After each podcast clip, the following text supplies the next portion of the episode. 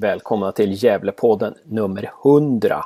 Det är det hundrade avsnittet av podden som vi startade 4 april 2017. Eh, ja, vi nystartade en Gävlepodd som hade legat i träda i ett år ungefär. Jag och Josef.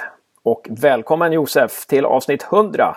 Tack så mycket! Du är i Växjö och hur känns det att göra det hundrade avsnittet då? Ja, det är väl det är speciellt. Jag trodde kanske inte skulle nå till 100 så här snabbt vi gjorde. Men det har flyttat på bra och eh, det känns inte som att det var så länge sedan vi började med det. Nej, det gör det verkligen inte. Och eh, några avsnitt du, du minns mest av de här som vi har gjort? Några som liksom står ut? Eh, Östermatchen förra året då jag totalt såg allt och alla. När, när du sa att vi borde sparka Thomas Andersson och sen var inte Sen var inte GIF-ledningen så glada på oss. De var inte så vänliga när de träffade oss där ett tag efter den. Nej, men jag tjötade också på x antal gånger att vi skulle anställa Poya Spagi. Vilket jag fick igenom och det var en jävla lyckoträff. Verkligen. Det var verkligen roligt att du nämnde Poja innan han ens var på tal. Innan han. Och då hade han blivit precis sparkad av Dalkurd, eller hur var det? Ja, precis sparkad. Ja, det är ganska suveränt. Ja, har du någon annan tränare sådär på önskelistan då? Om eh, GIF skulle behöva en inför framtiden?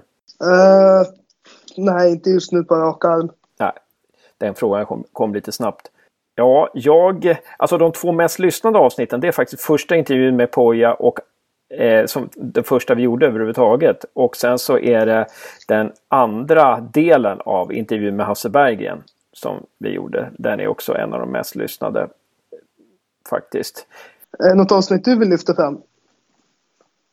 Jag tycker det var jag, jag, tänker på första avsnittet när vi satt här i soffan och bara tänkte, ah, ska vi göra en podd? Och så gjorde vi det och ringde upp Jonas Lantto. Det, det var lite häftigt och andra tror jag ringde upp Voxlin. Eh, ja, någon mer som var speciell. Det var kul också att hålla på med Falkenbergspodden. Det, det var roligt att jobba med att intervjua en annan Öst, podd. Öster och Falkenbergspodden har ju varit väldigt roliga. Precis, när vi gäst... Ja, exakt. När vi gästade Österpodden. Men den finns ju, där, där får folk gå till Österpodden och, och lyssna på den. Faktiskt. Sen är det ju lite roligt, det är ju lite speciellt också. Jag tycker senast också lite speciellt när vi åkte. Jag åkte 60 mil ner till Värnamo och eh, vi såg den där matchen och det, det var lite speciellt faktiskt. Eh, eh, Men, och det var en, en eh, ja, speciell upplevelse i och med att det gick så dåligt och att det betydde så väldigt mycket. Att det var så betydelsefull match. Men överhuvudtaget så så, sen, sen är det ju roligt med segrar också. Det var ju väldigt roligt förra hösten när vi, inte, vi fick intervjua Poja så många gånger. Och, ja, så många gånger som vi vann. Alltså, det var ju jäkla kul. Och det var kul att komma till träningarna när vi hade vunnit. Jag kommer ihåg dagen efter vi hade slagit Syrianska och vi gjorde kanske femte podden eller sånt där och pratade med Chucho. Ja, då var det också väldigt bra stämning. Det, det, det har ofta varit kul att komma upp då på vallen och möta spelare och ledare när vi har vunnit. Det har inte hänt så många gånger sedan vi började podden, men några gånger har det hänt. Och jag tänker också när vi var ner till Varberg och podda eh, förra sommaren. Det var lite då. Det var då, vi, då kände jag att vi fick lite mer respekt från Gävle IF. Det var enklare att komma in och på träningar och snacka med folk. Precis. För då låg vi ju sist. Då hade vi förlorat tror jag på tre av fyra matcher med Poja. Och eh, det var ju... Ja, det var, det var inte så många på presskonferensen. Det var i princip vi och en till journalist som var där. Ja, nu är inte vi journalister, men det var en till person som var där. Och jag kommer ihåg Jörgen Wålemark blev lite förvånad. Han fick så många frågor på en presskonferens. Det var lite kul. Faktiskt. Sen är det ju roligt med det här nytillskottet att vi har fått eh, Middag med Löv och Ström som gör lite poddar hit och dit. Det är jäkla kul. Det är också kul med Hugo Ådvall, 12 år. Eh, och eh, ibland glömmer man bort att han är 12 år för han är så otroligt duktig och mogen och, och, och framåt. Så att, ehm, och han skriver ju på Svenska fans också. Så att Hugo har ju betytt väldigt mycket. Han gjorde ju till och med fansida för Gävlepodden. Så det var häftigt. Det var det.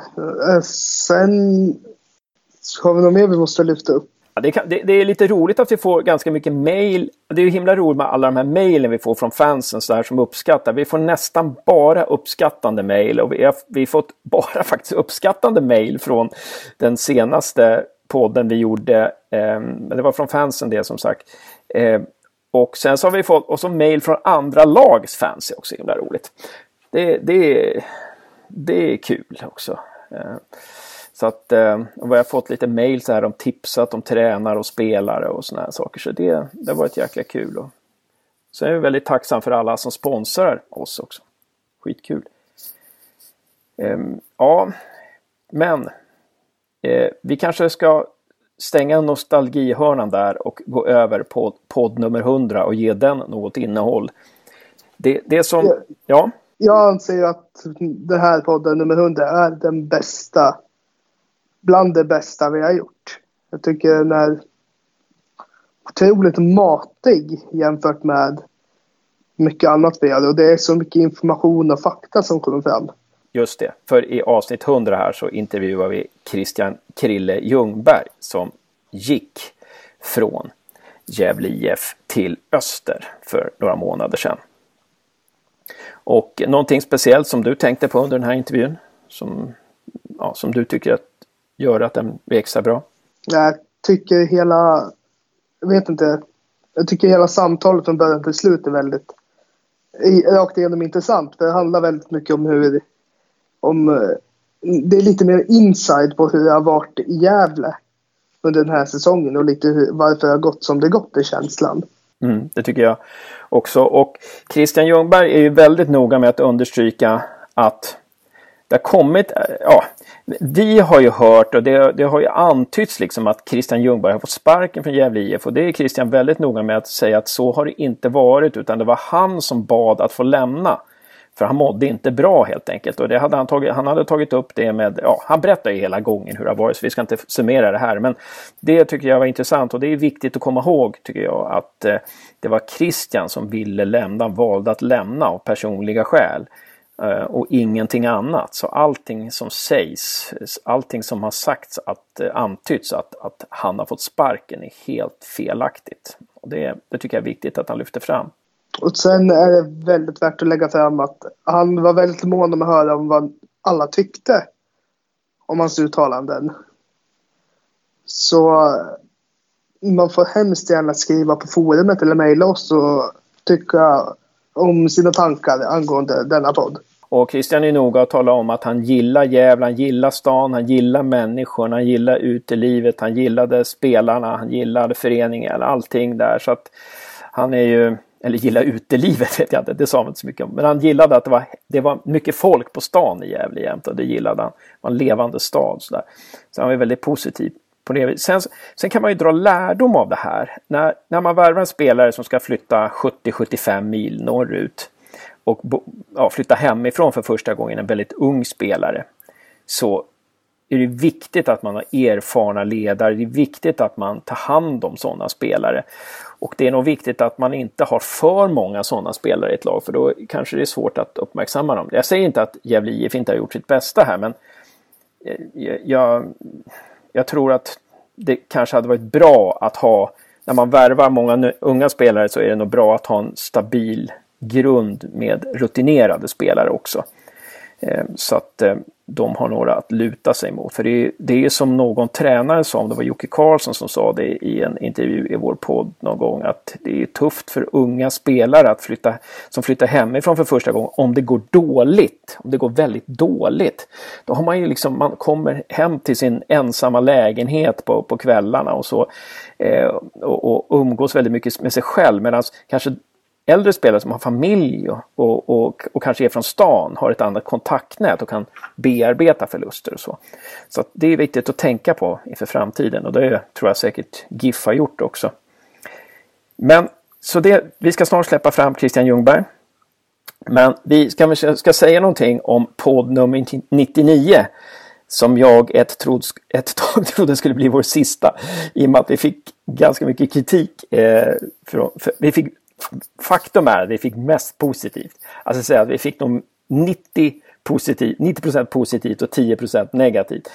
eh, om den podden. Men, men det var några tunga röster som uttalade sig och sa att eh, ja, vi, vi, måste vara medmän, vi måste vara mänskliga. Att vi, vi ja, uppfattar inte oss som mänskliga i den här podden. Och ja, vi, det, det vi kan säga är ju det att och vi är glada över att den väckte reaktioner på det viset. Vi är glada att så många har lyssnat på den. Det är vi himla glada över. Och sen så, sen kan vi väl bara säga att, jag menar, jag menar, hade vi, vi spelade in den där i princip en timme efter slutsignalen och var ganska så här, upprörda och Gävle IF åker ner i division 1 i princip. Och ja, vi var ju rätt knäckta och det, det kommer till uttryck i podden och det, det är det som är fördelen med att göra en podd. I, mot att göra till exempel eh, no, ja, att sitta i ett mer styrt medium. Vi kan ju faktiskt göra vad vi vill och det här blir ju liksom the down, downside of it. Eh, ibland så blir det så här känslomässigt för att vi är engagerade och vi liksom ja, blir man ledsen så vet man inte vad man gör ibland.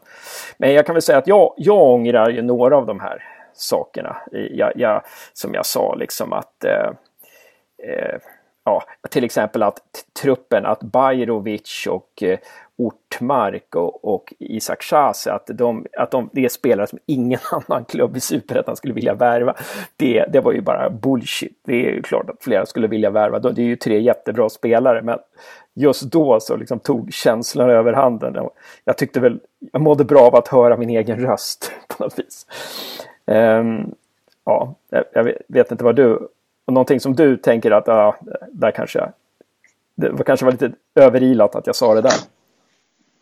Uh, nej, jag tyckte inte du sa något överdrivet. Jag tyckte vi båda pratade för stund, i stundens hetta och mycket av det vi sa tyckte jag ändå på något sätt var lite rättmätigt.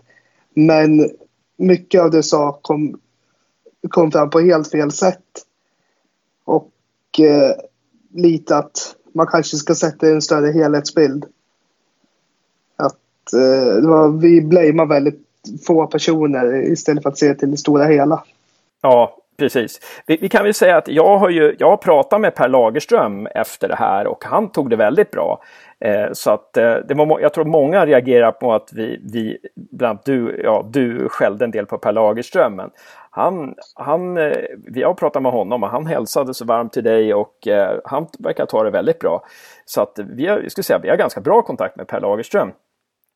Eh, så att, eh, och vi har, ju, vi har ju sagt till honom i öga mot öga vad vi liksom, ja, vad, vad vi tycker sådär. Jag, jag tror att han respekterar det. Eh, och han vet att vi hemfaller åt lite, åt lite nycker ibland och sådär. Så att ehm, eh, vi hoppas att vi får med Per i podden framöver här.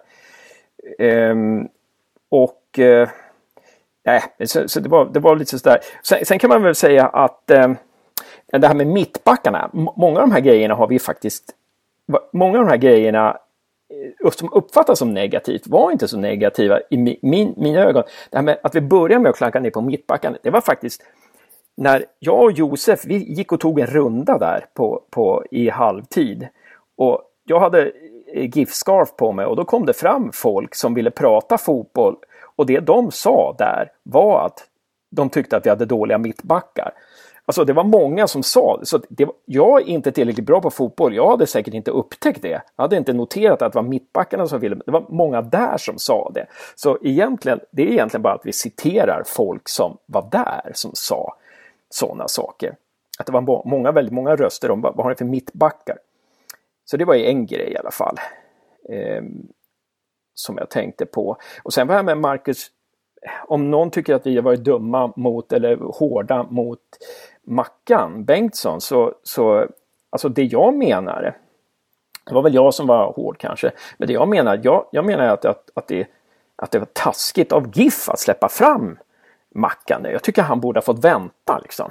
Tycker inte, jag tycker man vänt, det är ju svårt att säga nej när man får den frågan. När man är utbildad tränare och sådär och får den här frågan. För det är ju stort att få träna ett, ett, liksom, ett A-lag i Superettan. Men jag, jag tycker att det var lite taskigt av GIF att ge Mackan det uppdraget. Jag tycker man skulle ha väntat lite.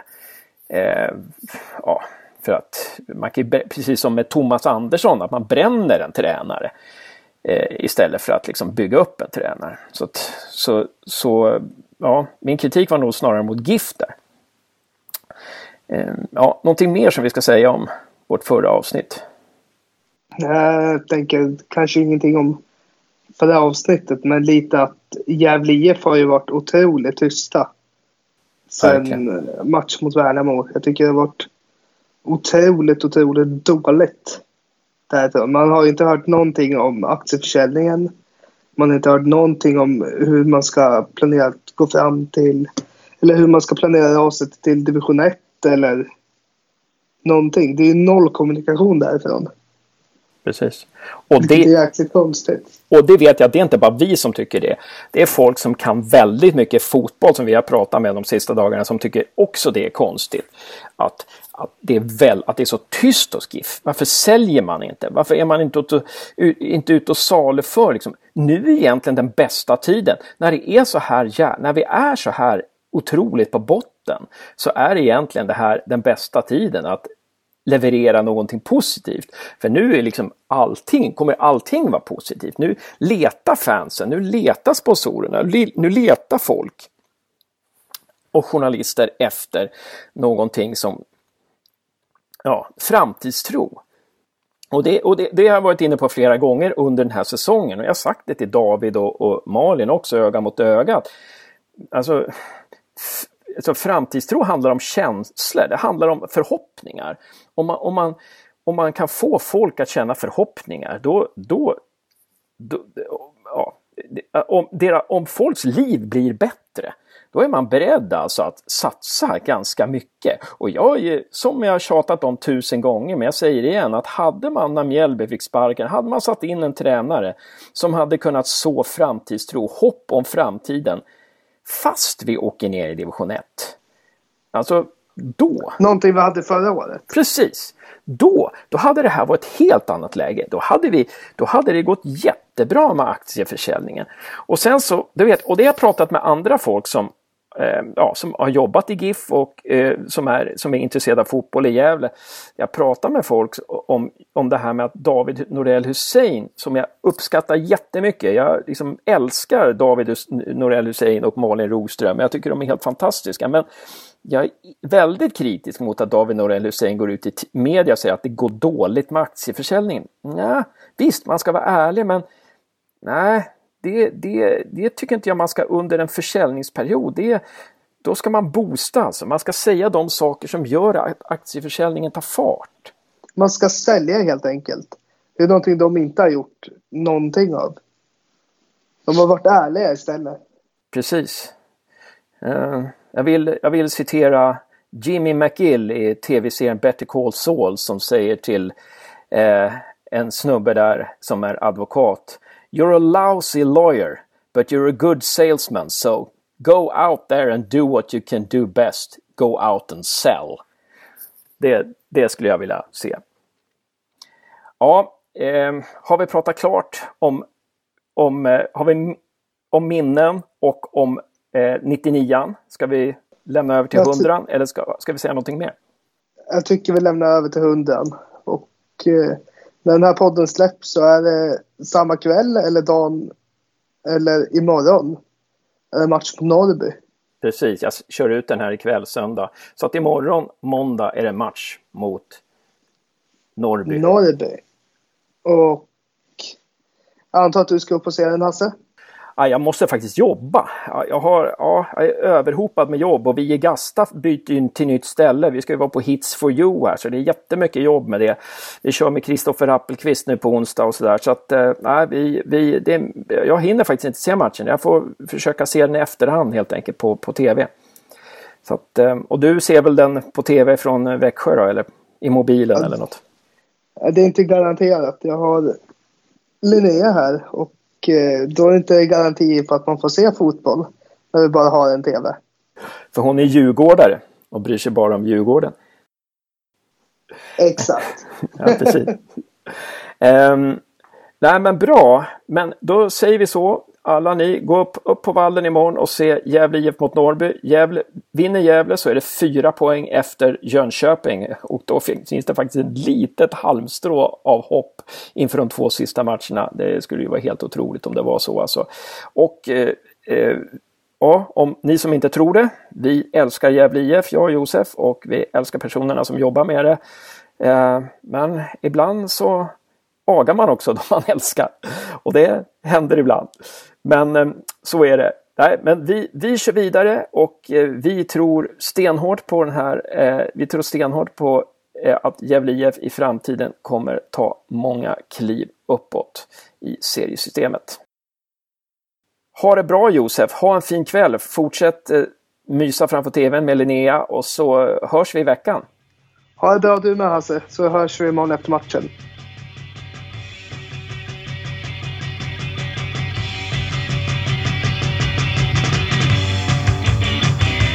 Välkommen till Gävlepodden säger jag nu till en av våra favoritgäster. Och nu är han här igen. Välkommen Krille Ljungberg. Stort tack, stort tack. Kul att vara här. Och Josef, du är Ja. också här. Ja, tack. Välkommen. Tack. Jag trodde jag skulle vara den stora favoritgästen, men jag blev nog Du är, du, är den näst slagen. största, du är den näst största favoriten. Och vi sitter i er nya hemstad här, Växjö. Ni har tagit med mig på en liten sightseeing hit till ett fik. Vad heter fiket? Som vet det? Står bakom dig. Eh, Ja. Condeco. Vad heter det? Condeco. Okej, där. kondektor. Okej, det låter som ett apotek, men det, det, det går tydligen hem. Det är ett väldigt fint fik i alla fall. Och eh, Krille, han tar en... Eh, vad dricker du Christian? Eh, En kaffe med lite mjölk. Josef? En chai latte. Och du Hasse? Och jag dricker en mango... Eh, vad fan heter det här nu då? Smoothie? smoothie. Mango smoothie med någonting mer i. Apelsin tror jag att det var. Ja, ah, det var någonting mer. det Nå var- onödigt. Ja. Eh, ja. Och vi, vi börjar i någon, i, i någon slags ända, eh, Krille, och så får vi se var vi, var vi slutar och hur länge vi snackar och så vidare. Så, här. så det, det är alltid ett äventyr i poddvärlden att se var man hamnar. Men eh, vi kan väl börja här med, med din flytt till Växjö. Vi kan börja med Växjö. Hur, hur upplever du Växjö och likheter, skillnader med Gävle?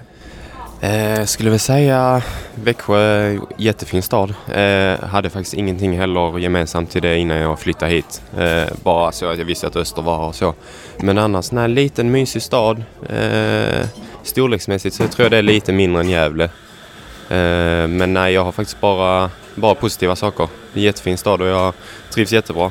Sen ligger det bra geografiskt också, nära till mycket, så det, det känns bra också.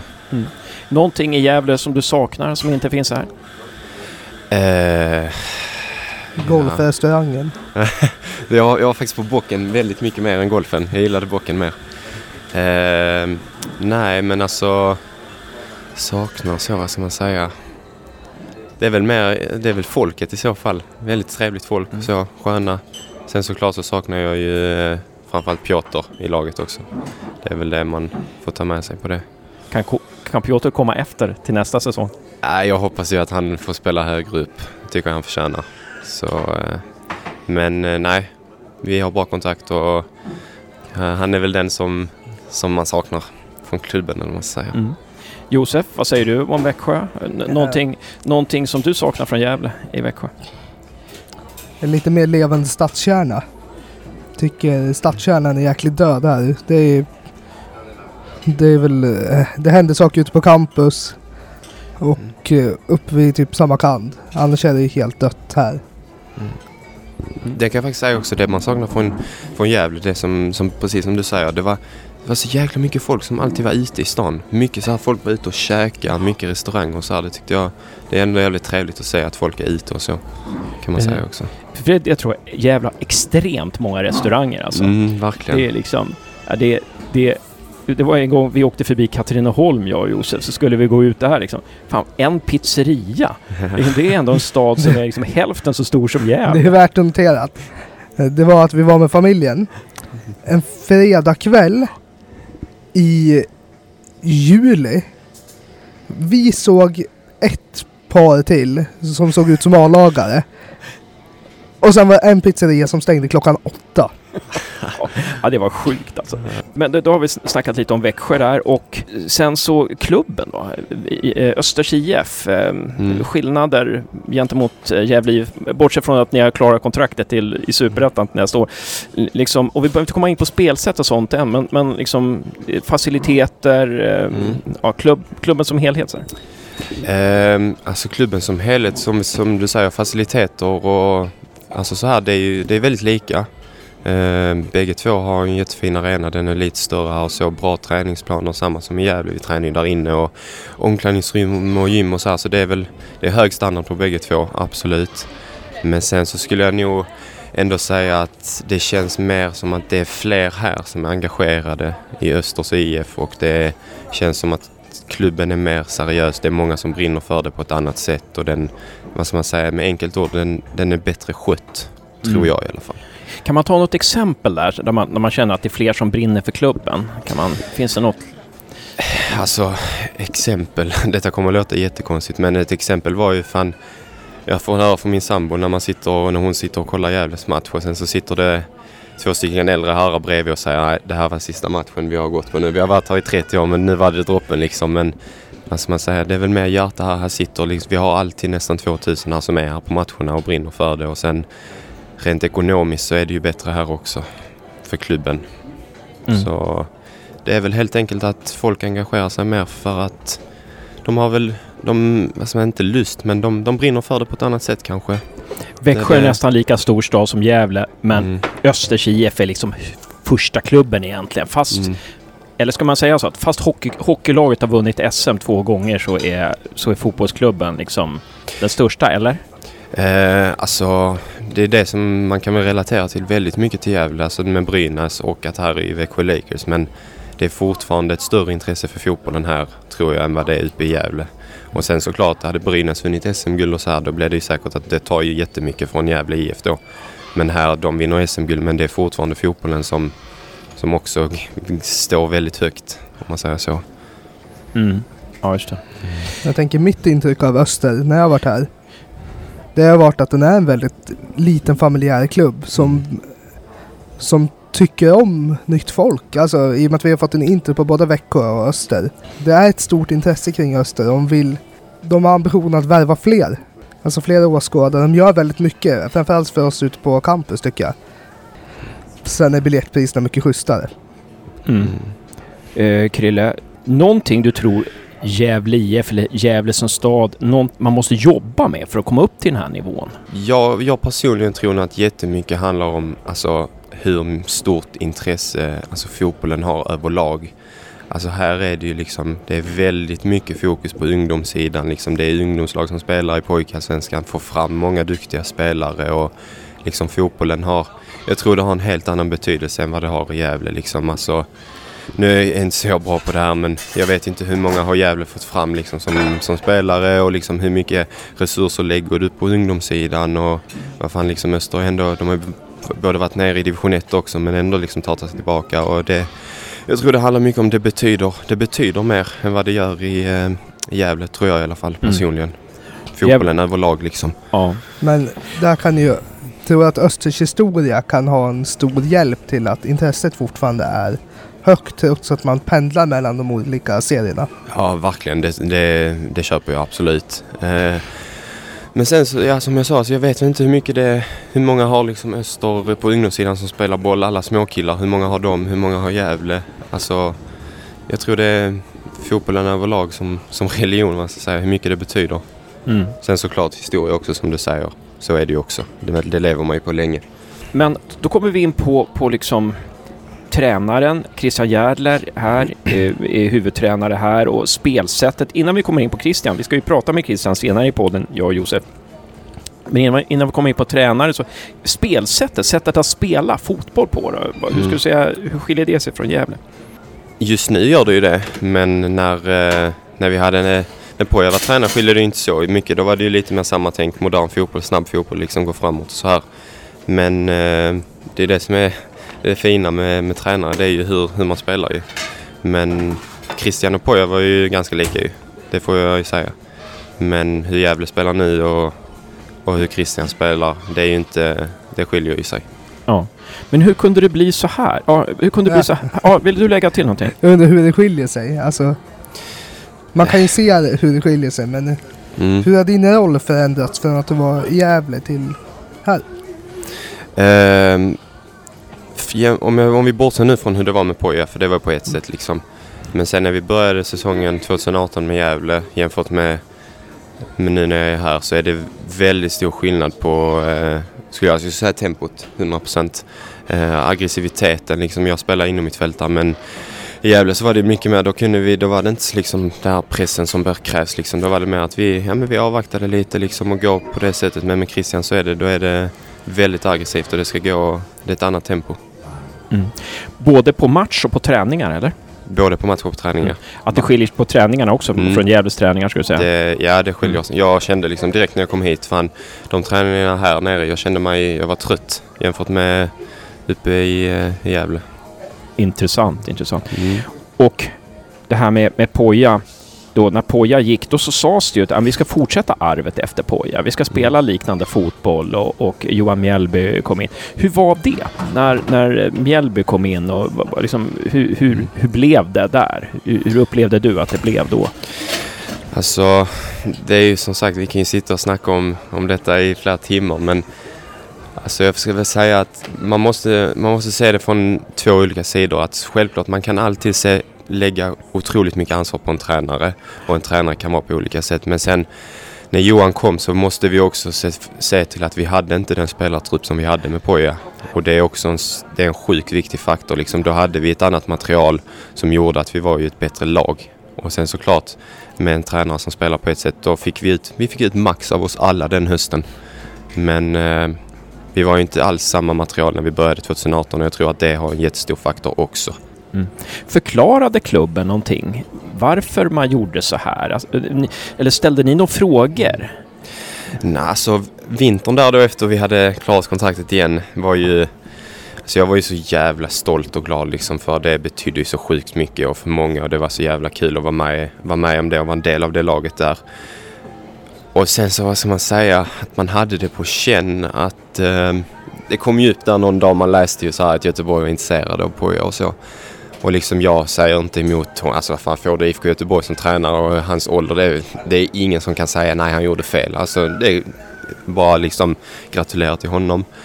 Men sen så var det ju jobbigt. Eh, jobbigt att liksom, jag satt hemma i Helsingborg och fick läsa ja, men nu, nu sticker han och nu sticker han liksom. Och ja, okej fan hur blir det 2000, 2018 och så. Så det, det tog ju på en liksom. Men jag gick bara in med inställningen att fan det här kommer bli ett jättebra år oavsett vad. Men sen när vi inte gjorde, gjorde de eh, ersättningarna efter det. Då blev det ju, då blev det ju inte som, som man hade hoppats. Vad hade du velat se för ersättningar som inte blev av?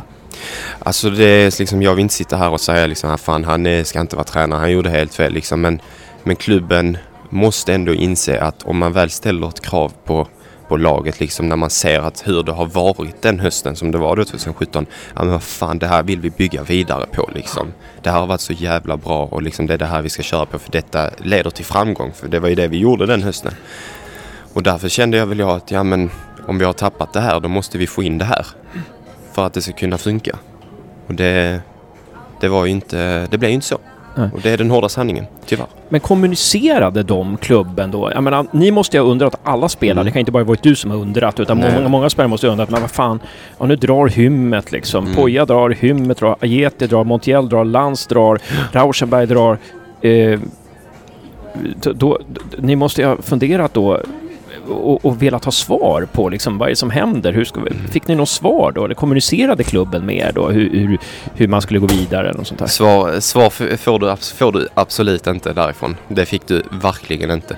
Du fick inga svar. Eh, det var väldigt mycket så här, både jag och andra spelare, så självklart ställde ju frågor. Liksom vad, vad är det som händer och liksom har ni någon koll?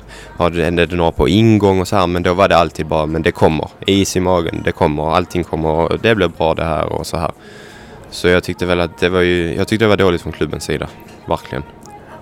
Är det skillnad nu i öster att om det är någonting som händer runt händer i spelet, typ att någon ska in eller någon ska dra. Får ni reda på det tidigare än vad Alltså jag fick har i Gävle? För jag vet att i Gävle fick jag höra att ni fick reda på på saker och ting samma dag som saker och ting släpptes? Jo men så var det ju. Eh, alltså antingen så läste du det på Fotbollskanalen eller något eller så fick du höra det på typ genomgången. Det var ju lite så. Vi spekulerar ju otroligt mycket liksom vad som skulle hända men det var ju att man fick ju svar den dagen det skedde. Det blev offentligt typ. Men nej, alltså jag har inte varit med om, no om någonting här i Öster. Jag har precis kommit så det har inte hänt någonting varken med spelare eller så. Så jag, det, kan, det vet jag faktiskt inte. Ja, precis. Men, eh, ja, precis. Men vad Ja. tyckte ni i spelartruppen om att ni fick reda på det samma dag? Eller att ni fick läsa från andra saker istället för att få reda på det från klubben?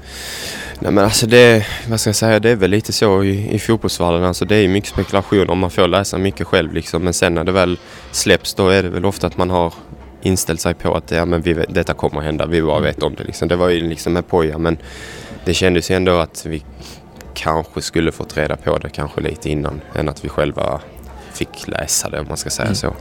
Ja, man tog, men vi förlorade massa spelare så tog vi in Törnros eh, som, som knappt får speltid nu. Vi tog in Fitim Kastrati som inte heller har, har fått speltid nästan. Eh, Ja, det, så det, det är ju helt klart varit misslyckade värvningar och så vidare. Och så kom Johan Mjällby in. Eh, upple Eh, hur upplever du skillnaden mellan Johan Mjällby och Mackan där? Eh, jag tänkte skillnaden mellan Johan Mjällby och Poja. Ja, vi kan börja där. Eh, ja, alltså som sagt. Nu kommer frågan igen angående tränare hur de ska vara och liksom. Man kan ju... Det finns många... Man får tycka precis som man vill om fotboll och alla ser det på helt olika sätt. Men antingen så kan du säga jag tycker om en tränare som har spelat själv. Han förstår en, han har ett sitt sätt på fotboll, han förstår hur man är som spelare. Sen kan man säga men jag tycker om tränare som har, som har läst mycket, som är bara liksom, alltså geni i fotboll om man säger.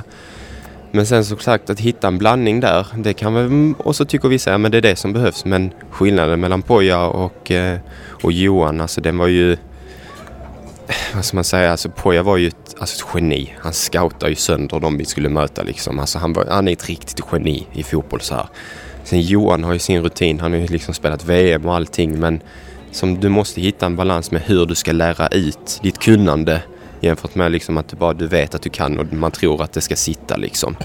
Att man kan stå liksom och vara en, en tränare liksom på träningarna och liksom bara se saker på pappret men sen ska du få det att funka också ute liksom när vi står vid koner och så här. Så jag skulle säga att alltså, det är en stor balans på tränare om du har spelat själv eller du bara har läst liksom. Det, det är väldigt många faktorer som ska spela in men det är ju en skillnad på Poja och Johan på spelsätt och allting. Det, det, så är det ju. Det vet man ju. Men Johan var absolut ingen, ingen dålig tränare eller någonting så här utan som jag sa innan, det är faktorer liksom. Vi hade inte spelarmaterialet som vi hade på hösten och sen en tränare som är, tänker lite annorlunda så då blir det, det blir svårt att få att allting ska funka. Så är det. Och det liksom folk får tycka precis vad de vill uppe i Gävle och så här men det är den hårda sanningen. Så är det Mm. bara. Det är spelarmaterial som går i första hand. Liksom. Min upplevelse var ju att eh, Poja, han hade ju alltid svar på allting. Mm. Man kunde ställa en, vilken fråga som helst inom fotbollen och han hade oftast ett bra svar som han köpte. Mm. Medan när vi såg en av våra första träningar med Johan, då, om jag tror att det var Piotr som bad om en instruktion. Och han fick inget svar. Och Mm. lite... Det måste varit lite dag och natt och gått från en person Mm. som hade alla svar till en person som ja, inte hade alla svar. Kommunikationsproblem liksom. Mm. Kan man säga det? Att det Ja, var en men- nyckel. Ja, verkligen. Verkligen. Alltså Poja var, Poja var en tränare liksom som han visste exakt hur han skulle få ut 100% av varje spelare. Och det var liksom så jävla, eh, vad ska jag säga, det är så här vi ska göra för att nå framgång. Du ska göra det här, du ska göra det här. Och liksom på träningarna var det så här ska vi göra. Och det är bara det som gäller liksom. Men eh, ja, självklart Johan var lite, han var ju annorlunda jämfört med Poja. Så var det ju. Hur var det på Han Johans träningar? sätt. I och med Eh, att Poja hade så här ska det vara, så här ska det Mm. vara. Så grejen var ju med Johan att han höll, det var ju mer Mackan som höll i träningarna än Johan. Ehm, så det var ju Mackan mer som höll i träningarna just då men det var ju en annan, vad ska man säga, att eh, det lärdes ju ut på ett annat sätt. Så var det ju. Och hur var det sättet tyckte du? Personligen? Personligen, personligen så var det, ju, var det ju bättre med Poja, det vet ju alla. Det är den hårda Mm. sanningen. Vi hade Ja. framgång. Alltså, alltså folk kan sitta och tycka vad de vill nu vad jag säger men alltså Mm. alla som kan fotboll, vi, hade, vi vann matcher, vi hade Mm. framgång. Ja, Och då är det det konceptet som gäller. precis. Och så vann ni den första matchen. Du avgjorde, Mm. gjorde avgörande målet och eh, liksom, det var ju rätt hyfsat där i början ändå. Alltså, vi, ni, spelade no, vi, ni vann mot Norrby borta med 2-0, spelade 0-0 Mm. mot Gais. Så det gick, gick rätt hyfsat där i början. Innan vi hoppar så långt, Ja. tycker jag, tänker Svenska Cupen och allt det där också. ja. Ni snackar ju om att ni skulle spela en offensiv fotboll, Mm. kontrollerande. Ändå möter ni bara lag som har mer resurser än er, ligger högre upp, oftast Mm. allsvenska lag. Mm. Så ni får träna på att spela väldigt mycket defensiv. Mm. Och sen ska ni gå in i serien och möta Värnamo. Mm. Och helt plötsligt förväntas dominera matchen. Mm. Alltså, hur... Alltså det, det roliga är att det, vi blev ju utspelade av Värnamo den matchen. Alltså vi hade ju, vi, hade- vi vann med 2-1 men vi hade, det var ju en riktigt dålig match från vår sida. Eh, sen som du säger, vi hade ju, alltså vi spelade, vi spelade bra på försäsongen, cupen var bra. Men då kändes det som att ja, men vi var nöjda där. Lite så här, nu har vi mött Malmö, Dalkurd, vi har spelat bra liksom. Men då måste man ändå få in i varandras huvud, okej men alltså nu när serien börjar då kan man inte vara nöjd med detta för då var det lite att du kan gå in i matchen mot Malmö men fan vi har ingenting att förlora. Det är bara att gå ut liksom, ha roligt och spela och sen får vi se hur det går. Men sen när du serien börjar då handlar det bara om, det handlar bara om att vinna. Alltså det, det finns ingenting annat. Och sen när du inte har, har du ett spelsätt som du känner i matchen att fan vi är nära på att vinna varje match. Men liksom, eller att du vinner matchen men blir totalt utspelad. Och liksom, hur var känslan efter första ma- matchen då? då? Alltså jag kände ju, jag själv kände ju att matchen var ju katastrof från vår sida. Sen så vann vi och det är det viktigaste så det var man ju skitglad för. Men sen visste man ju också att det är, det är, det är inte det här vi kan bygga, bygga vidare på för att vi ska vinna matcher. Var, var, klu, var klubben... Ja, var, var Mackan och, och, och Mjällby, insåg de också det eller kändes det som att... Det, det vet jag inte. Nej. Förmodligen så har de inte gjort det. Eftersom vi Nej. inte, det ändrades ju inte. Ja, just det. Så. Vad specifikt gjorde vi fel i den matchen tycker du? Vad specifikt det brast det? Mot Värnamo? Ja, första matcherna. Eh, Jag vet det är länge sedan. Det är ett vi tag sedan. Ja, Ja. nej men. Alltså jag känner väl så här att fan du spelar en seriepremiär hemma. Liksom det är jättemycket förväntningar. Folk liksom har väntat hela vintern för att gå och kolla på fotboll. Och sen är vana vid den hösten vi hade då. Sen ska du spela hemma och bli utspelad. Jag tycker väl annorlunda att vi skulle fan liksom bara gått fullt ut liksom pressat ihjäl dem. Och liksom det är vi som, det, detta är vår hemmaplan. Det är vi som ska ha bollen här liksom. Och vi ska, de ska tycka det är jävligt hemskt att komma upp till Gävle. Och det var väl lite det, det saknar man ju otroligt mycket jämfört med när vi hade Poja. Ja. Då var det ju verkligen så. Då, då var det ju folk tyckte inte om, äh, tyckte inte om att komma till, till Gävlevallen. Nej. Och liksom när du går in med den inställningen och vet det, alltså då, då spelar du också på ett annat sätt. Ja. Men det, det är intressant det här med då, alltså du, du, det, det, vi återkommer till det här med pressen, att vi inte pressar dem. Vi, vi skulle ju vi skulle ju förvalta på arv, det sades ju, liksom, det kommunicerades in. Vi ska, vi ska spela, vi ska spela 3-5-2. Men pressen som du säger, vi pressade inte längre. Eh, och, och sen så, jag vet inte, man, alltså det var bara zonförsvar eller mm. som positionsförsvar var också vad jag uppfattade. Det var inte heller Pojas och en, ändå skulle spela 3-5-2 liksom. Mm. Hur, va, hur blev det sådär? Nej, men alltså det är som... På pappret så kan du ju sitta och säga okej okay, men vänta, det här laget, det spelar ingen roll om det är Gävle eller Barcelona, men de gör så här. Okej, okay, men vi fortsätter göra detta för det har gått bra när vi hade Poja. Men som jag sa innan, alltså du måste se till den trupp du har och det material du har för att kunna spela den typ av fotboll. Och liksom när du väl försöker göra det med en trupp som inte, som inte kan det, då blir det ju då blir det svårt liksom. Därför tänk, får man ju se om och liksom, ja men då får vi göra på ett annat sätt för att vi ska, för att vi ska vinna liksom. Mm. Så jag skulle säga det är ju, alltså det är ju materialet vad du har. Alltså så Ja. är det ju. Ja. Men sen tänker jag också, träningskvaliteten kan inte heller varit superhög i och med att när du kommer ner hit Mm. känner du att du var trött efter träningarna. Mm. Och då är det återigen att, som när Poja kom in Mm. förra hösten, då eh, sa han att ni var dåligt tränade. Ni körde ju hårdare än vad ni Mm. hade kört för tidigare. Mm. Och så hamnade hamnade ni tillbaka igen i den här dåliga tränings... Jag, jag, jag får bara tillägga lite så. Eh, detta har ingenting med Holmström att göra. Holmström är fantastisk. Hans gym är, är fantastiskt. Riktigt bra träning. Eh, så det är ingenting med han att göra utan detta är ju fotboll, alltså fotbollsträningar. Mm. Men, eh, men nej, alltså det var, det var ju ett helt annat tempo, tempo då när vi på hösten där, 17. Och det var ju självklart materialet. Det var ju, vi var duktiga spelare liksom och vi tränade på ett annat sätt än vad vi gjorde när vi började 2018.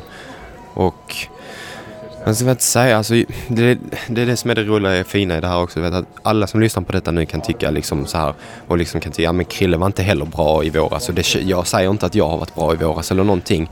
Men det blir inte heller så jävla enkelt när vi inte går ut och tränar varje dag på ett sätt som gör att vi ska, alltså som leder till framgång. Och då blir det automatiskt att träningarna blir sämre för vi har inte materialet till det. Vi får inte, blir inte lärda på det sättet på träningen att det ska vara så här, det ska vara så här tempo. Det är detta som krävs för att vi ska bli bra. Och liksom sen när jag, när jag kom hit och kände på träningen att men det är så här det ska vara. Och liksom man känner verkligen efter träningen att du är helt slut. Det är det, är det som krävs liksom. Mm.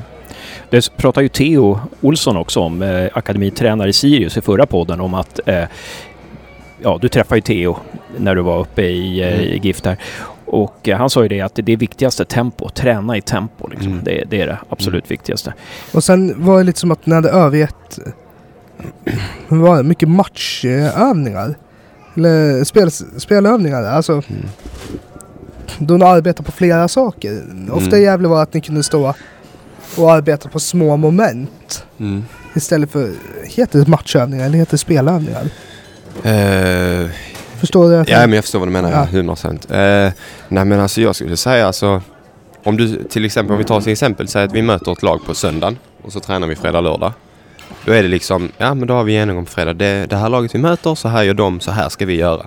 Vi går ut på träningen och gör det till 100%. Alla vet vad de ska göra och det ska inte finnas några frågor efter träningen. Men vad händer om de gör så här? Vad ska vi göra då? Och det är det som vi hade tidigare. Men sen när du går ut liksom och det blir frågor, det drar ner på träningar för det är mycket stopp, det blir inget tempo, det blir om och om igen frågetecken. Så blir det automatiskt att det blir sämre träningsmiljö. Mm. Ja, just det. Så, men så, upp, så känns det som också att vi bytte spelsätt hela tiden också, eller? Hur, hur uh, ja, men så var det ju. Eh, och liksom det är, inget, det är inget fel med det om du verkligen vet hur du ska spela mot ett motstånd som du tror att ja, men det är detta som vi ska spela för att vinna. Då är det inte, då är det inte fel. Liksom, det gjorde vi med Pojå också. Liksom, när vi mötte vi Falkenberg borta då när vi ledde med 3-0 i paus. Liksom, då, då gjorde vi på ett sätt. Men då handlade det om att då måste du verkligen veta vad du gör. Alltså du måste ju vara tekniskt kunnig och veta att så här ska jag lära ut idag för att det är detta som krävs för att liksom slå ja, Degerfors eller vem det nu är. Så det är inget fel med det att byta spelsätt. Men när du byter spelsätt för att du inte vet vad som är det bästa. Då, vet, då förstår du att då är det något som är fel. Mm. När, du själv, när vi själva liksom bytte system. Men fan vi har inte hittat rätt än. Är det så här vi ska göra? Det så här vi ska göra? Då, är, då blir det ju fel. Hur blir känslan i truppen då, när man byter sådär? När man inte vet? Alltså, grejen är när man, när man har förlorat ett visst antal matcher och man känner att men nu behövs någon förändring. Men den förändringen inte heller funkar. Då blir det ju ännu mer frågetecken kring allting. Tyvärr. Mm. Mm. Ja, och, och sen så, du får bryta in bara Josef där om du Jag tänker, eh, och sen så fick ju Johan gå. Och sen så blev det Mackan som blev huvudtränare. Vad blev, vad blev förändringen där då? Ja, eh, det ja. Väl, ja, du, Nej, kör. Hade ni velat se en annan förändring och tagit in någon person utifrån för att få helt nytt blod? Eh, alltså jag vill ju inte se, jag, alltså, vill ju, såklart jag försöker vara så ärlig som möjligt men jag kommer inte sitta och säga vad jag tyckte om, om Mackan och så här. Men, vad ska jag säga?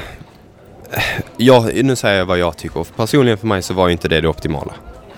För att det tyckte jag. Så är det bara. Mm. För att det blev en fortsättning ungefär på det som hade varit, eller?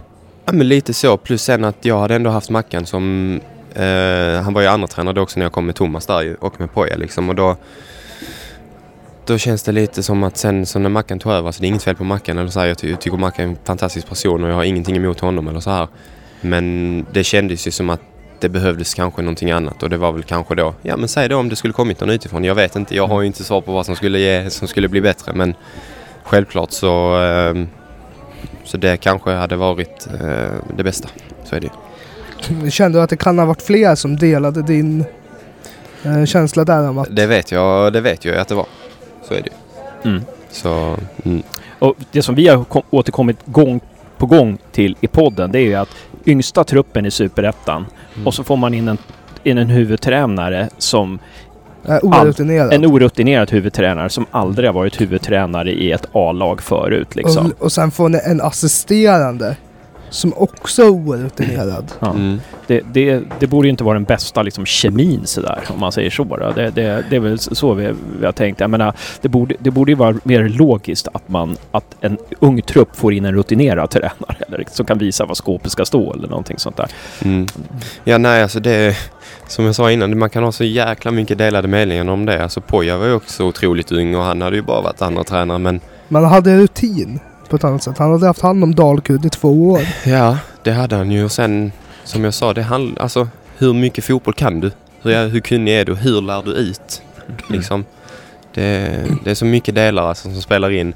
Mm. Men eh, ja, Det måste ju också varit så här, när, haft, när hade haft, du hade haft Mackan i två år. Mm, Och- är ett och ett halvt år, ja. Ja, Och då måste du ändå ha tänkt att efter ett, ett och ett halvt år och du inte var helt nöjd med att han fick kliva upp som huvudansvarig så kan inte han vara tillräckligt bra på att lära ut. Det måste ju nå er nya sätt efter ett och ett halvt år att Ja, alltså så... ehm, så alltså, du, du säger ju det själv, så var det ju. Ja. Eh, alltså som jag sa innan, jag säger ingenting emot Mackan eller någonting, det handlar inte om det. Men spelarmaterialet i sig Mm. och sen en tränare som du vet att det är detta som krävs. Och det är den tränaren vi behöver. Ja. Och när det inte blir så...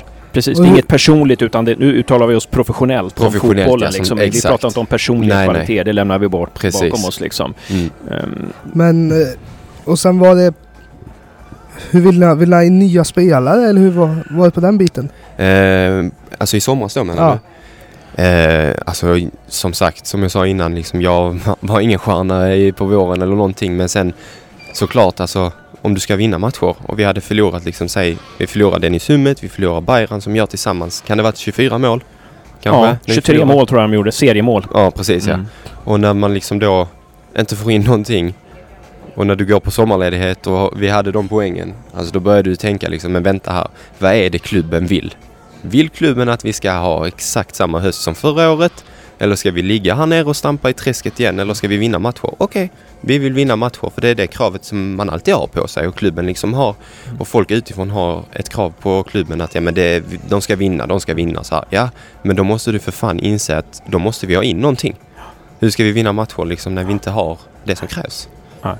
Precis. Ett fuskbygge helt enkelt. Man kan inte liksom... Man måste, man, man måste bygga ett lag som man bygger ett, ett hus. Ehm, men... Det, Mm, vad fick ni höra då från ledningen? Att det verk, du var ju garanterat inte den enda med den åsikten. Att, Nej, nej, absolut inte. Alltså det, det gäller ju jättemånga men det var ju det som var så, det var ju det som var så känsligt då där. Det hade ju vi sista matchen Varberg hemma. Så var det ju. Och Ja. sen, sen gick vi direkt på ledighet. Och liksom då visste inte jag någonting. Jag fick ju läsa dagen efter eller när det nu var. Ja men nu är Johan sparkad. Vi visste ju ingenting ju. Nej. Och sen så liksom... Eh, ja, sen så fick vi, blev ju Mackan tränare. Ehm, sen kom han tillbaka och ja, det hade inte hänt någonting. Mär, Johan sa inte hej, hej då eller någonting eller? Eh, nu ska jag tänka... Eh, nej, det blev inte så. inte ens ett meddelande i WhatsApp-gruppen. Jo, det blev det. Det blev det. Ja. Men, men det är ju också konstigt. Kon, alltså det, det låter ju lite som dålig kommunikation liksom. Dels Mm. att, när, när, när, att kommunikationen innan säsongen, nu ska vi göra så här och så gör man inte så här. Mm. Eh, och att det, när, ni, när ni frågar frågor då, bara det kommer bli bra, det kommer bli bra liksom. Mm. Eh, och sen så att, att ni får läsa tidningen att Mjällby går. Alltså det, Mm. det låter ju som usel kommunikation alltså. Det, ja, ja. Det, Alltså, tyvärr. Alltså, det var ju samma. Alltså, det, jag kan ju ta ännu längre tillbaka. Alltså, innan jag, när jag kom till, till Gävle. Då, het, då, då fick jag ju höra men det, så här ska vi vara. Så här ska vi vara. Som lag, som klubb. Men sen när jag kom då var det ju inte heller så. Och liksom det... Vem var det som kommunicerade det då? Ja, det var ju de som var i klubben just då. Det var ju både Per och det var ju och Thomas var ju tränare då ju. Och liksom det hette ju på ett sätt hur vi skulle vara och det var ju det som därför valde jag ju Gävle ju. Ja, På vilket sätt skulle ni vara? Hade du fått höra? Alltså jag fick ju liksom jag kom flyttade inte upp till Gävle liksom bara för att för att det skulle bli så det året. Jag fick ju höra liksom att alltså jag som klart liksom så jag vill också påpeka jag har absolut ingenting emot Gävle så jag hade en fantastisk tid där och så här.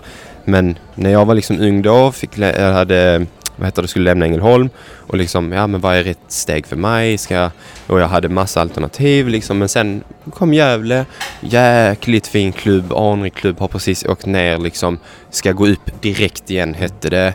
Och liksom det, vi kommer att spela på det här sättet, vi har de här resurserna. Fan vi tränade dagtid liksom. Det är inte många superettan-klubbar som gör det.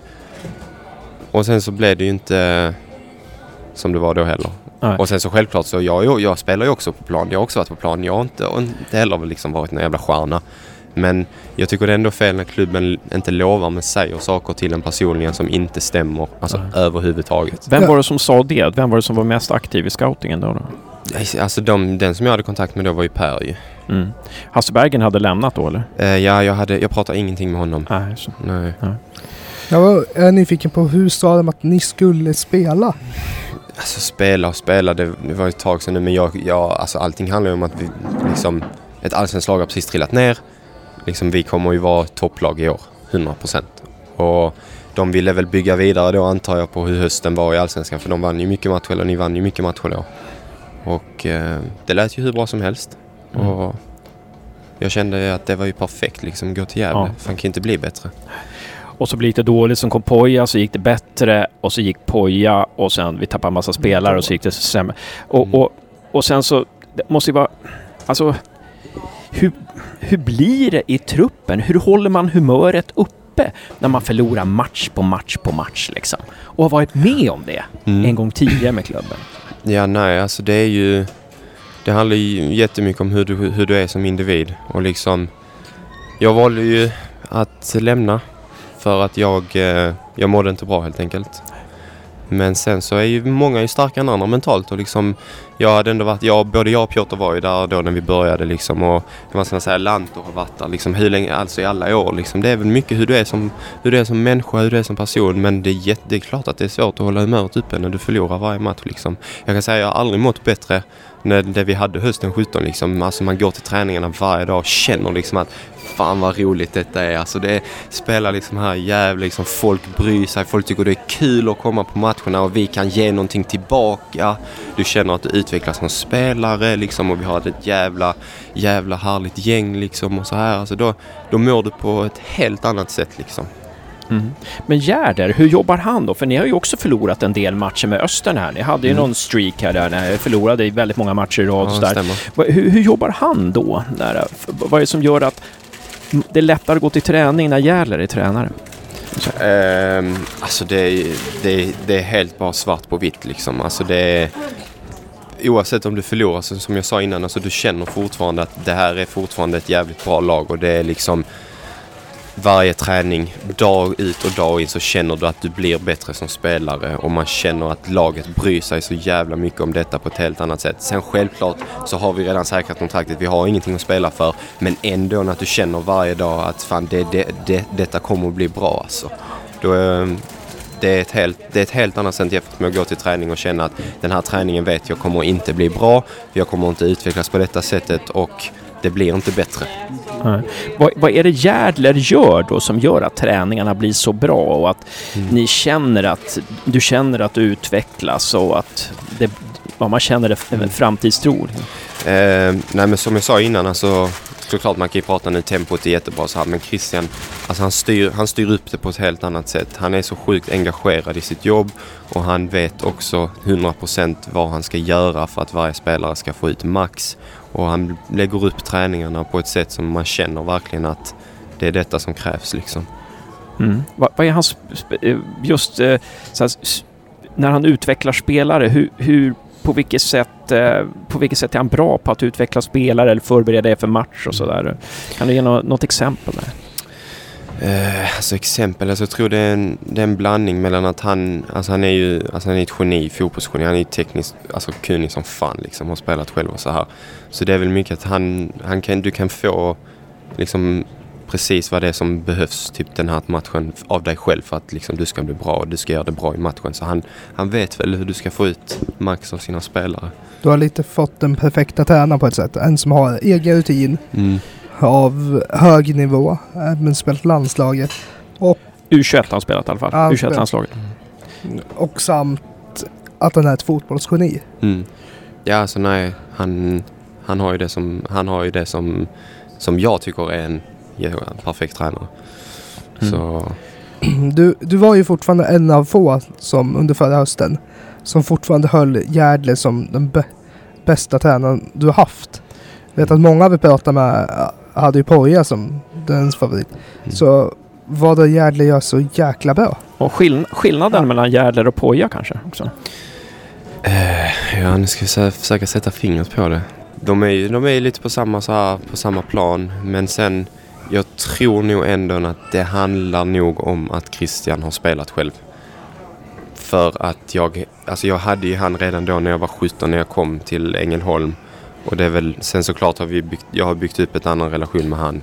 Men det är väl, jag tror det har lite med det att göra. Han har varit i en skor liksom, han vet hur det är och när man inte riktigt kanske mår bra och det inte funkar eller när det går bra, vad är det som krävs liksom. Han, och han, han är ärlig men hård, man ska Mm. säga.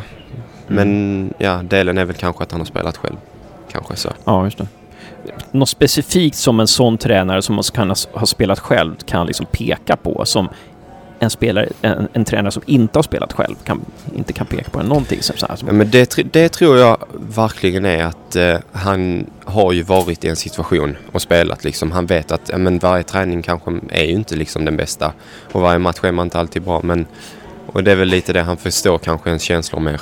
Det är väl kanske det liksom. mm. Det jag minns ju själv bara när jag var i HIF till exempel. Då hade ju, alltså de tränarna som man hade där på ungdomssidan det var ju oftast de som Många hade pluggat liksom och det är inget fel med det. Många är sjukt duktiga. Men sen när man kanske inte riktigt mår, mår så bra alltid. Alltså då, då är det väl kanske lite det att men de kanske inte vet att ja, men, har tränat varje dag och spelat. Jag tror, jag tror personligen att det, det är nog lite det. Mm.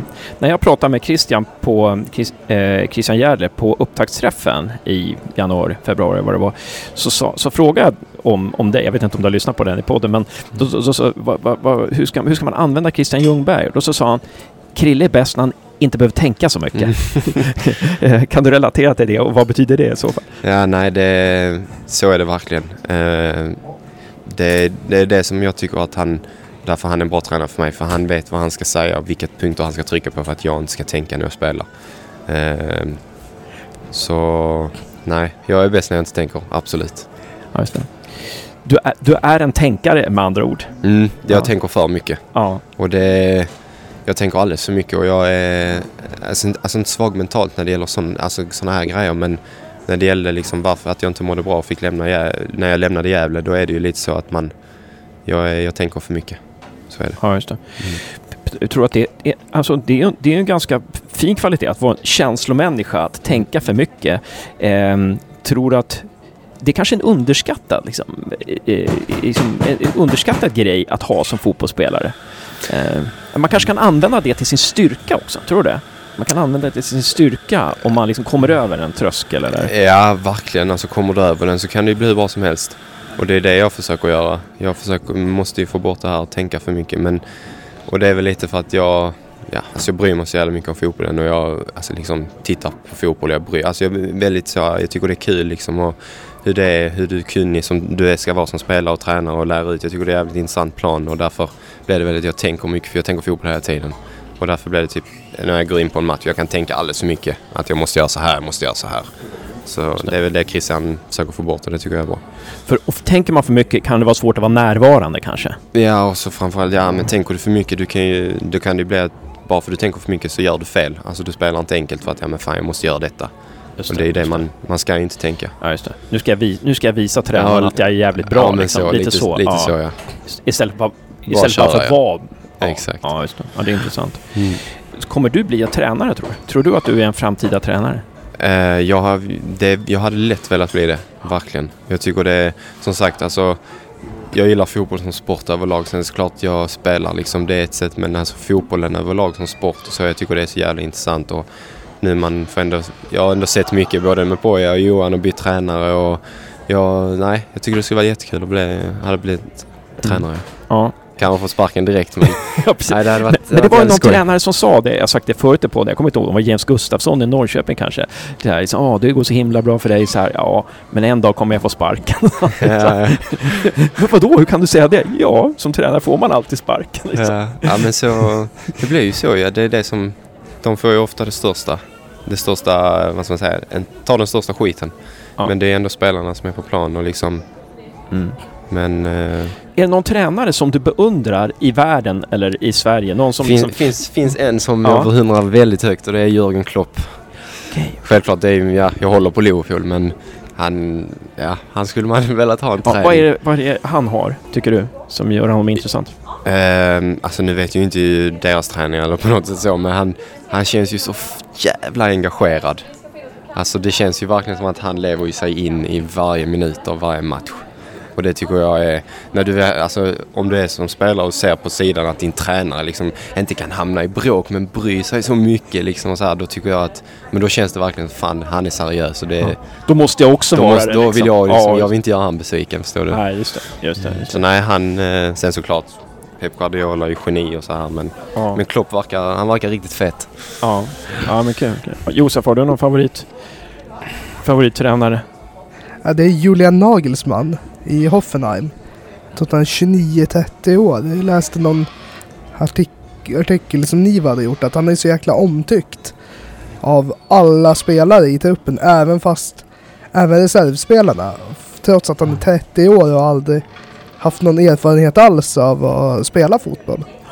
Att han kan motivera även de som sitter på bänken liksom? Ja, Ja. och hålla truppens moral upp, Ja. uppe. Ja. Ja, men vi... vi... Har du någon favorittränare? Nej, men alltså, det, är så, det är så skönt att ha med Josef. För han är, Klopp känner jag ju till, men Josef han spelar i Football Manager och Fifa och så här och kan alla spelare liksom. Och var de har spelat, vilka, spel, vilka klubbar de har spelat så här. Så det är så jäkla som trygghet att med Josef liksom bara kan... Ja, det är bra. Eh, bara kan ja, men... Om En jag har någon nörd. spe- ja, men jag, åh, fan, vad, fan vad svårt att få en fråga själv här nu då. Jag, menar, jag, tyck, jag tycker att det är spännande med den här nya generationen tränare som är så intresserade av den mentala, som är intresserade av alla bitar av fotbollen. Mm. Och det var det som Poja fick mig intresserad av fotbollen. Vi hade ju börjat göra podden, jag tror vi gjorde tionde poddavsnittet när Poja kom och intervjuade honom. Liksom, och utan Poja vet jag inte om vi hade fortsatt podden. Mm. För det var liksom, han, han, ja, han visade upp liksom schatteringar av fotbollen som jag inte hade liksom tänkt på för, sen förut.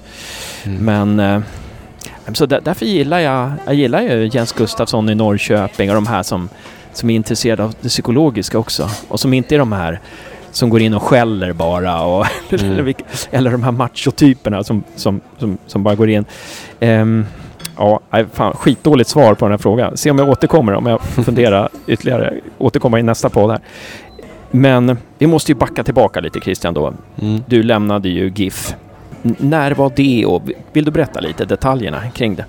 Hur gick det till? Absolut. Ehm, så här var det att eh, innan vi gick på eh, sommarledigheten så var det lite att eh, bägaren hade runnit över för mig personligen. Och det var väldigt många faktorer. Det var både fotbollsmässigt, det var hur jag mådde, hur min sambo mådde, hur tiden var i Gävle, hur den hade varit. Så det var, det var en väldigt speciell tid och det, jag, mådde inte, jag mådde inte så bra. Eh, kände att, eh, som sagt, jag, som jag sa innan, det handlar ju om hur du är som människa men liksom jag flyttade, flyttade hemifrån första gången. Både jag och min sambo liksom så långt upp och kan träffa liksom ens familj två gånger om året när man är ledig och ens vänner. Och jag är väldigt så här, jag bryr mig mycket om min familj och mina vänner. Och när man känner att fotbollen inte funkar och livet utanför inte funkar riktigt så blir det automatiskt att jag känner att jag kan inte komma till träningarna och liksom, jag gör inte detta, jag blir inte bättre, jag gör inte mina lagkamrater bättre, det blir inte bra för min tränare. Så därför tog jag ett snack med eh, Johan och Mackan då precis innan vi gick på ledighet. Och sa hur jag mådde och då Eh, sa... Johan, Jonas menar du eller? Nej, Johan. Han var Innan. kvar. Ja, innan. Dagen efter ah, hade han var kvar, Detta förlåt. var ungefär någon vecka Ja, innan vi gick på ledighet. förlåt, förlåt. Så då hade jag ett snack med de två och sa, sa allting, liksom fick ur mig allting hur det hade varit. Och de förstod ju mig liksom och sa att men du borde ändå ta ledigheten och känna efter liksom. Eh, och så. Så gjorde jag det. Kom tillbaka och ändå liksom bestämde mig för att jag har ändå skrivit ett kontrakt i Gävle liksom och jag vill inte jag vill ändå göra allt liksom för att jag vill kunna göra den hösten igen som vi gjorde då 2017 och jag hade verkligen ställt in mig på att liksom kriga. Ehm, och sen kom att, när vi kom tillbaka igen så kände jag direkt liksom att jag, alltså jag, jag klarar inte, jag mår inte, jag mår inte bra här. Jag mår inte psykiskt bra och ingenting funkar. Och då blev det så att efter frimatchen så satte jag mig ner med Mackan och fick ut allting och då pratade jag med han och David och då bestämde vi oss för att, eh, att gå skilda vägar. Och det var jag som gjorde detta beslutet så jag vet inte om, nu kan jag säga till folk som lyssnar eller vad som helst att om de har hört annat så var det jag som gjorde detta valet, det var ingen annan. Just det. Och Och var- var jävla okej med det? Eh, Var, eller kände de att äh, vi har inget annat val än att släppa Christian? De, eh, nej de var okej med det. Både Mackan och eh, David. det var aldrig något snack så här om att ja, om du hittar en klubb så kan vi tänka oss att låna ut dig ett år i och med att du har ett år kvar på kontraktet. Nej, det finns, fanns inte på tal.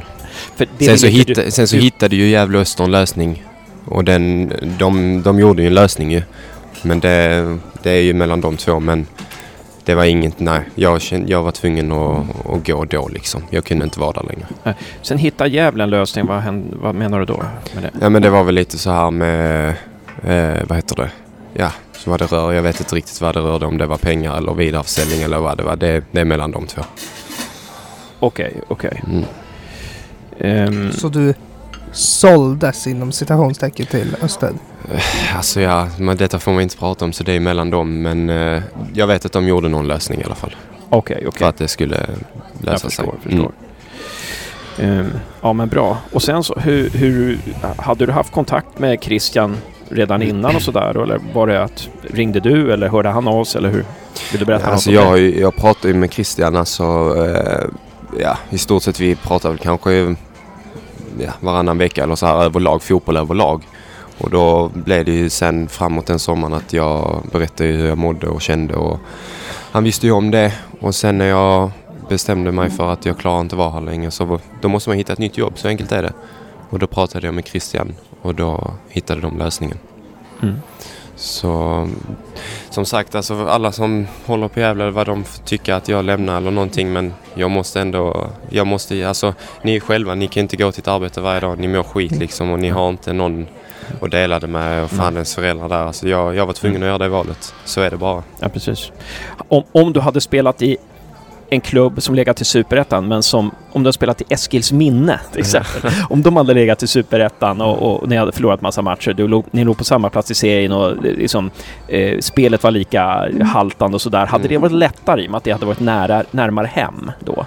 Alltså själv, alltså det är ju, det var ju en, en faktor till att jag, att jag lämnade. Det var ju för att jag, jag saknade ju allting där nere.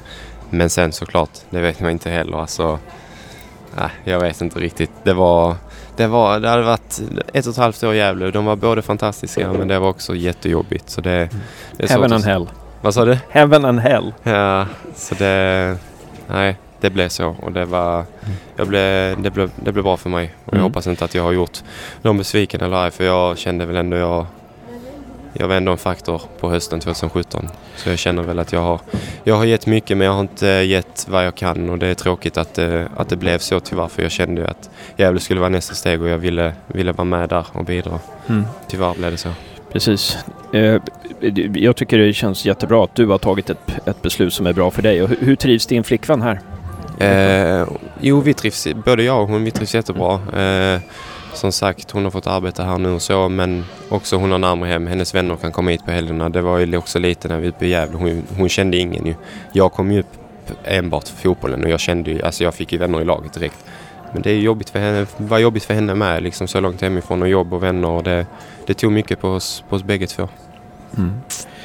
För det är ganska viktigt för dig det här, eller väldigt viktigt för dig eh, Krille, att tala om att det var du som bad att få lämna GIF. Mm. I och med, att vi har hört att Gävle, någon i Gävleledningen har sagt eh, till andra spelare att om eh, ni inte sköter er så kan det få konsekvenser, precis som det fick för Krille. Mm. Och det, det, det uttalandet opponerar du dig lite mot. Ja, det gör jag. Eh, det var jag som valde att lämna Gävle självmant. Jag hade detta snacket innan sommarledigheten och detta handlar bara om mitt välmående. Och det var jag som valde att, att lämna klubben. Men sen när jag fick höra ett tag efter att det hade hänt några incidenter på träningen och så här. Och då hade klubben, nu vet jag inte riktigt vilka det var, så hade de sagt att ja men sköter ni inte er på träningarna och matcherna så kan det få konsekvenser som Krille fick. Och då liksom sitter jag där och tänker, men vänta va? Alltså det var jag som valde, jag lämnade Gävle självmant, jag fick inga konsekvenser. Så det tycker jag ändå är lite fel om klubben har målat upp det, att det var de som gjorde så med mig. För så var det verkligen Nej. inte. Nej, precis, precis. Ja, men jättebra. Bra att få ett, ett klargörande i det. Och nu gör ju Gävle IF, ja man försöker, man, man värvade Isak Chase och Bajrovic, eller man lånar Chase. Eh, Nej. Man, Eh, kontraktsäsongen ut. På ja Chase. just det, så var det. Och Bajrovic kommer in och sen så var det, nu står det helt stilla, och en tredje spelare. som. Ortmark va? Eh, Ortmark. Ja just det, just det. det honom lånar man. Just det. Eh, jag, jag ber om ursäkt Jakob. Eh, men de, de har kommit in där och ni, du startade ju när vi när Gävle mötte Öster, 0-0 matchen här va? Mm. Hur, hur upplevde du Gävles spel då? Hade det förändrats någonting eller Eh, på vilket sätt hade det förändrats? Ja, nu vann ju inte vi matchen ju, men eh, nej, det tyckte jag inte. Ja, det var ju en, det var, vad ska jag säga, en riktig höstmatch, inget speciellt. 0-0. Vi skulle ju vunnit med tre, fyra bollar tycker jag. Men nej, det tyckte jag, Jag tycker vice versa. Jaså? Ja, Jag tycker inte 3-4 men jag tycker vi skulle ha vunnit med 1 eller 2. 1-0 eller 2-1. Nej, jag tyckte de var, vad hade, vad hade Gävle? Ett skott på mål. Ja men jag tyckte inte ni kom till den riktiga farligheten. Det var väldigt mycket lätta skott. Nej, jag tyckte vi skulle vunnit den. Verkligen. Men nej, alltså som sagt, alltså, jag önskar, jag hoppas verkligen att Gävle klarar detta och jag har ingenting Ingenting ont att säga egentligen utan det handlar om mig personligen. Men sen klart så kan jag ju säga saker om klubben. Jag tycker ju att eh, den var ju inte som jag trodde. Alltså de säger väldigt mycket saker som inte stämmer. Mm, Så det är väl det att klubben, alltså det påverkar en som fan. Så är det ju. just det. En sista fråga kanske då. Eh, vad, vad behöver Gävle bli bättre på i sitt spel? Eller vad behöver funka i Gävles spel för att man ska kunna vinna de här återstående matcherna? Som du ser det. Ja, alltså det... Vad är det viktigaste som behöver funka? Kan vara en grej, kan vara flera grejer. Alltså det är ju, jag skulle väl säga det som var den största, alltså det, vi släppte ju in för mycket mål. Alltså det är ju ofta, jag skulle säga, alltså anfallsspelet, det, alltså i matcher, alla, alla lag får lägen. Alltså du kan få ett läge på matchen och så gör du mål. Och har du då ett stabilt försvarsspel och du inte släpper in mål så vinner du. Så jag skulle säga alltså försvarsspelet var ju, var ju den faktorn tycker jag. När, när vi var där. Vi släppte ju in alldeles för dåliga och billiga och mycket mål. Så jag skulle väl säga att scouta de lagen som är kvar nu och liksom veta det är detta vi behöver göra för att vinna. Tydlighet, så att alla spelare Tydligt, ja. vet precis vad de ska göra mot de här lagen som är Mm. kvar. Då kan det gå bra. Ha en spelplan som man vet Ja. vad som krävs. Och det här med, alltså det här med, det låter ju också lite som att det här med man-man, att överge man-man-försvar, att överge pressen, första pressen sådär. Mm. Att det har varit också lite Mm. negativt liksom. Att man, Ja, ja, alltså verkligen. Alltså, det var ju, vad heter det, när, vi, när, när jag var där också, det var ju vi, det här jävla zonförsvaret, alltså det är det värsta som finns i dagens fotboll. Alltså det, det, det är inget lag som, som funkar på det sättet. Jo, om du har materialet till att spela 4-4-2 långbollar, du kan ligga och försvara, då fun- kanske det funkar. Men det funkar inte på Gavlevallen och den snabba mattan. Så Nej. är det ju. Precis, det, det är nyckeln, den snabba mattan. Och det pratade Järdler om i podden. Det ska vi prata med Järdler om också. Den här snabba mattan som är på, ström, på Strömvallen, som är på Gavlevallen alltså. Som, som är väldigt bra för anfallsspel. Mm. Och då måste man försöka, då måste man spela ett jävligt bra försvarsspel för att försvara sig mot det. Man Mm. får inte lämna några luckor liksom. Man får, inte, man får inte låta spe, spelarna spela igenom, motståndarna spela igenom en. Precis. Och, och man kan få väldigt bra ut, betalt på ett bra eget anfallsspel där Mm. alltså. Men otroligt eh, snällt Krille att du ställde upp här Absolut. i Gävlepodden. Hoppas det inte var sista gången. Nej, eh, jag hoppas, jag önskar jävligt stort lycka till och jag hoppas att de som lyssnar inte har, har något agg mot mig eller så här utan jag hade en fantastisk tid i Gävle och jag har inget emot det överhuvudtaget och jag önskar, önskar alla, alla gott och jag hoppas att det går jättebra för, för föreningen. Jag hoppas de klarar detta. Jag tror de klarar det. Verkligen. Josef, någon ytterligare fråga där? Eller kommentar? Nej, ingen kommentar eller fråga. Inte vi... Jo, hur mycket har du lagt ner på Fifa points i år? Uff, det, vi, det borde vi inte prata om alltså. Shit, det... Nej, det, Det är, pratar det är vi ett par helt. tusen alltså. Men det har faktiskt lönat sig. Jag har fått ett jävligt bra lag. Vad har du packat då? Jag har packat De Gea, Ramos, Douglas Costa, Varann, eh, Kanté. Ja, Så jag, jag har haft lite tur också. Så det är nice. Har ni spelat mot varandra på online eller? Nej, det har Nej. jag inte. Det kanske är dags Kör att du göra det. Ultimate också? ja men jag lägger ner för lite tid på att få ett bra lag. Så. Nej, okej. Jag, har, jag har sex matcher kvar nu i Weekend League. Jag ska spela i natt. Ah, Jag ser okej. hur det, hur det går. Ja, så nördig är jag inte. Nej, det är fotbollsnörd hela, hela skiten här. Jag är bättre på NHL. Det är där, där jag brukar lägga ner mest tid. Ja, okej. Ja, ja. Ja, och med den lilla konversationen så tackar vi för oss från det här fiket Condeco. i Växjö och eh, hoppas att eh, ni har haft en trevlig stund, lika trevlig stund som vi har haft här framför fikabordet.